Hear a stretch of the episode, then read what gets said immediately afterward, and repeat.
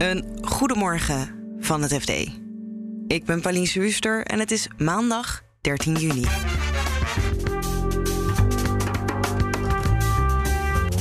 Nu worden advocaten nog gecontroleerd door een collega, de deken.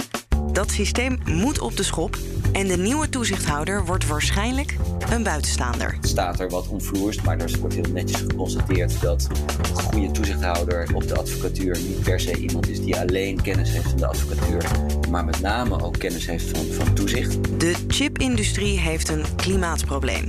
En als bedrijven zich daar nu niet op aanpassen, bijten ze zichzelf in de vingers. Er komt regelgeving ook voor deze industrie. Dan kan je afwachten uh, en dan ben je waarschijnlijk de sjaak. En waar de Mijnraad zegt: gooi misschien die gaskraan in Groningen maar weer open, zegt het staatstoezicht op de mijnen: dat is onveilig. En misschien blijft het dat wel altijd. Het is zeker niet gezegd dat als alle huizen in Groningen helemaal uh, uh, verstevigd, dat ze dan ook uh, ja, goed aardbevingsbestendig zijn. Dit is de dagkoers van het FD. Er moet een onafhankelijke landelijke toezichthouder komen voor advocaten. Dat zegt het College van Toezicht op de Advocatuur. Die toezichthouder zou dan grotendeels de plaats innemen van de lokale dekens die nu hun collega's moeten controleren. Martijn Pols is redacteur zakelijke dienstverlening en legt uit waarom het toezicht op de schop moet. Nou, wat er mis is, is dat er uh, eigenlijk al een tijdje geleden geconstateerd is dat het beter kan. En in de tussentijd zijn er natuurlijk ook de nodige zaken uh, voorgevallen in de advocatuur. Die maken dat er nu een advies ligt om daar toch echt een keer een landelijke organisatie voor op te tuigen. Die daar uh, nou ja, veel actiever en onafhankelijker mee aan de slag gaat dan uh, tot op heden het geval is. Door wat het College van Toezicht heet, dat is een speciaal orgaan onder de vlag van de Orde van Advocaten. Met daarin ook een aantal mensen van buiten die juist zijn aangewezen om het toezicht op de advocatuur, uh, nou ja, om daar toezicht op te houden eigenlijk, de toezichthouder op de toezichthouder.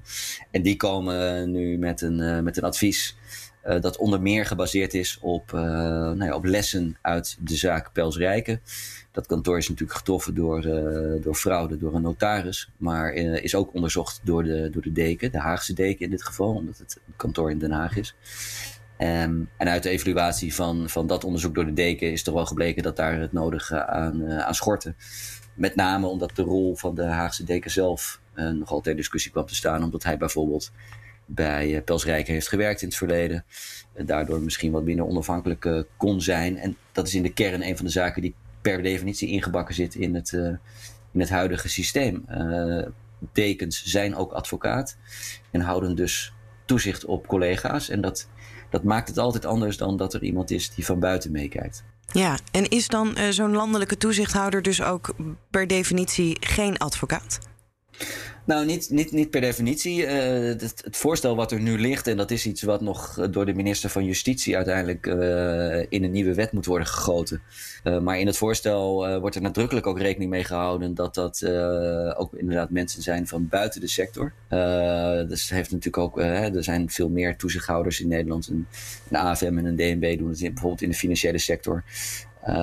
ja, daar zit ook gewoon de manier waarop je toezicht houdt. daar zijn ook hele eh, boekwerken over, over geschreven, over hoe je dat goed doet. Uh, nou ja, en, en, dat is iets wat heel nadrukkelijk in het advies naar voren komt. Dat het vooral zaak is dat er goed toezicht komt. Ja, wie, wie stelt die uh, toezichthouder uh, aan? Is dat de minister? Nou, dat zijn allemaal nog details die, die verder nog geregeld zouden moeten worden. Wat, wat, wat nu dus het voorstel is, is dat er een, een landelijk orgaan komt. wat op alle 18.000 advocaten en hun kantoren met name ook toezicht gaat houden. De onafhankelijkheid die nu daarvan wordt gevraagd. Het moet echt een, een, een, een, club zijn die met afstand naar de advocatuur kan kijken. Ja, dat, uh, dat maakt uh, hoogstwaarschijnlijk wel dat je daar uh, van buitenaf ook benoemingen moet doen. Omdat je anders alsnog benoem, mensen gaat benoemen die te dicht op de advocatuur zouden kunnen zitten. Ja, hoe groot acht jij de kans dat dit advies wordt overgenomen? Nou, de reden waarom wij het vandaag ook wel in de krant hebben, is dat de kans heel erg groot wordt, wordt geacht. Er waren al wel voorzichtige plannen waarbij de lokale dekens ook een actieve rol zouden krijgen. Maar dan gezamenlijk in een soort landelijk dekenberaad, zoals het uh, zou gaan heten. Um, dat zou versterkt worden. Nu gaat dit advies een stap verder. En mijn analyse is toch wel dat uh, het feit dat dit college dit advies durft te geven ook een teken is dat er achter de schermen ook al wel het nodige overleg is geweest waardoor het, minister, waardoor het ministerie en de minister van, van Justitie hier eigenlijk ook al mee akkoord is. Het is een kwestie van tijd voordat hij dat ook officieel aan de Kamer zal, zal laten weten, is mijn indruk. Ehm, maar dit, dit kan binnen enkele, enkele weken of maanden definitief gaan worden en dan kan het plan tot uitvoer komen. En dan gaan we naar de chipindustrie. Om het klimaatprobleem op te lossen hebben we chips nodig. En veel. Voor de elektrische auto's, zonnepanelen, slimme sensoren. Maar de chipindustrie heeft zelf ook een klimaatprobleem. Want de productie kost enorm veel energie. Vertelt Sandra Olsthoorn, onze redacteur Telecom en Technologie. Gebruik van de energie van de apparaten die nodig zijn om chips te maken. Er worden veel grondstoffen ingebruikt die weer heel veel energie kosten om te mijnen. Dus bijvoorbeeld goud en wolfraam. Um, er worden allerlei chemicaliën gebruikt. En er wordt heel veel water gebruikt. En in hoeverre is de chipindustrie zich uh, bewust van, dit, nou ja, van deze paradox dat zij deels de oplossing zijn voor het klimaatprobleem, maar ook weer een klimaatprobleem veroorzaken? Voor zover ze het al niet waren, uh, uh, zie je dat de druk op die industrie nu enorm toeneemt. En dat komt omdat de belangrijkste klanten van de chipindustrie die druk opleggen. Dus het werkt de hele keten door. Dus je hebt bedrijven als, als Apple, die zelf gezegd heeft, nou, onder druk van de overheden, overheden natuurlijk ook, uh, in 2030, zeg ik even uit mijn hoofd, dat ze volledig klimaatneutraal willen zijn. Uh, als Apple dat wil doen, dan komen ze vanzelf terecht bij de chipbedrijven. Ja. Want die zijn inmiddels voor, ik geloof, een derde verantwoordelijk van de klimaatafdruk van een telefoon. Ja, wat doen bedrijven dan om dat terug te brengen, die voetafdruk? Nou, je hebt natuurlijk de, de relatief makkelijke oplossingen. Dat is het gebruik van groene stroom, herverbruik van water, hergebruik van metalen. Ingewikkelder oplossingen zitten in uh, machines anders uh, bouwen. Uh, om het energieverbruik naar beneden te, te, brengen. Maar ja, dat is natuurlijk nog niet zo makkelijk. Nee. Um, want ja, de chipindustrie, die machines die moeten 24 uur per dag draaien. En om daar dingen aan te veranderen. Ja, dat zijn hele ingewikkelde, ingewikkelde langdurige ontwerpprocessen. En, um... ja, het is niet dat ASML even zegt van nou, we hebben een nieuw soort chipmachine. Nee. nee. Ja, daar noem je een goed voorbeeld. Want ASML is natuurlijk, um, die hebben de Extreme Ultraviolet machines.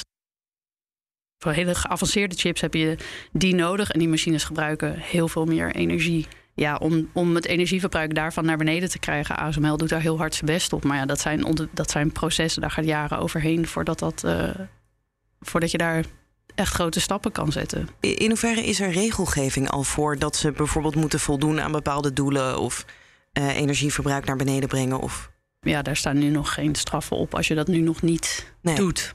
Maar goed, ik heb bijvoorbeeld de CFO van ASMI geïnterviewd. Die zegt van ja, wij, die, uh, zij bijvoorbeeld heel snel uh, ineens zijn ze groene stroom aan het, uh, aan het inkopen en hebben uh, voor hun machines in het ontwerpproces nu heel expliciet gemaakt: het energieverbruik van die machines moet naar beneden.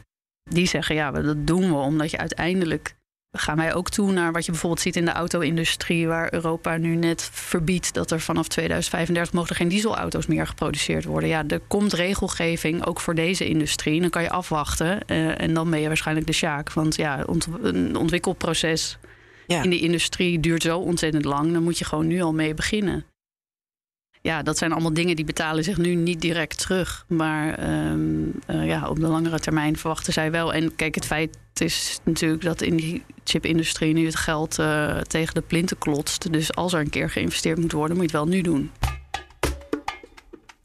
En tot slot gaan we naar Groningen. Afgelopen week adviseerde de Mijnraad, een officieel adviesorgaan van het kabinet, dat ze desnoods extra Gronings gas zouden kunnen winnen om onze reserves aan te vullen.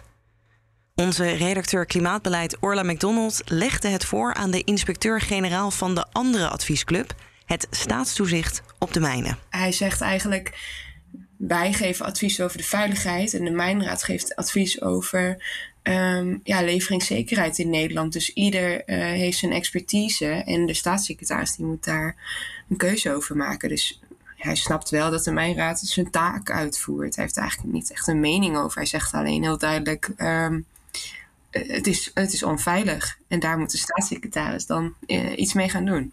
Ja, en het is dus nou ja, op dit moment onveilig, maar het is ook de vraag of het ooit nog veilig kan.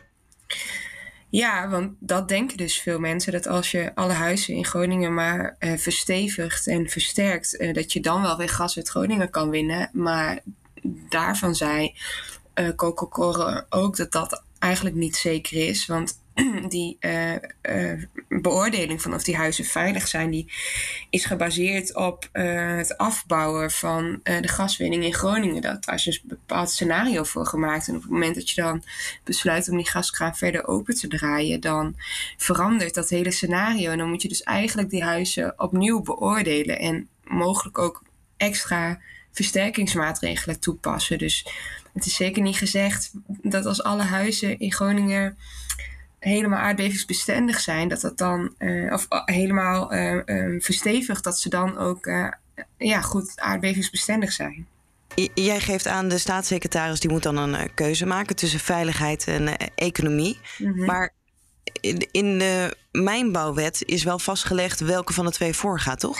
Ja, dat uh, was voor mij ook uh, iets nieuws toen ik uh, hem interviewde. Want in de mijnbouwwet staat dat je um, economische activiteit niet voor mag laten gaan op de veiligheid. Um, je mag alleen maar uh, veiligheidsaspecten afwegen tegen andere, over andere veiligheidsrisico's. Dus je, je kunt bijvoorbeeld niet zeggen, nou, we willen graag dat de gasprijs lager wordt. Dus we winnen meer gas uit Groningen. Dan zet je echt een economisch argument tegenover een veiligheidsargument. Um, je zou wel kunnen zeggen dat als uh, Rusland de gaskraan helemaal dichtdraait en huishoudens en ziekenhuizen in Nederland echt geen gas meer krijgen, dat dat ook een veiligheidsrisico is. Dus op zo'n moment kan je tegen elkaar afzetten en um, dan wel besluiten om meer gas uit Groningen te winnen. Maar zo gemakkelijk als er nu soms wordt gesproken over uh, het opendraaien van de Groningse gaskraan om maar die prijs te dempen, dat, dat kan dus wettelijk gezien uh, niet, vertelde mij. En dat is eigenlijk wel opmerkelijk dat dat in die discussie dan niet zo'n rol speelt. Want dat lijkt me ook voor nou ja, de staatssecretaris Velbrief zit tot nu toe ook redelijk op deze lijn. Het is niet veilig, dus het kan uh, niet. Maar ja, dan zou je verwachten dat er ook wel wat politici wijzen op... ja, maar u heeft ook geen keus. Maar... Nee, ja, je zou denken dat iedereen de wet dan wel goed kent, maar uh, blijkbaar niet.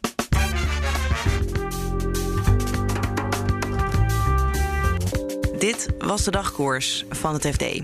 Morgenochtend zijn we er weer met een nieuwe aflevering. Die vind je elke werkdag in je favoriete podcast-app.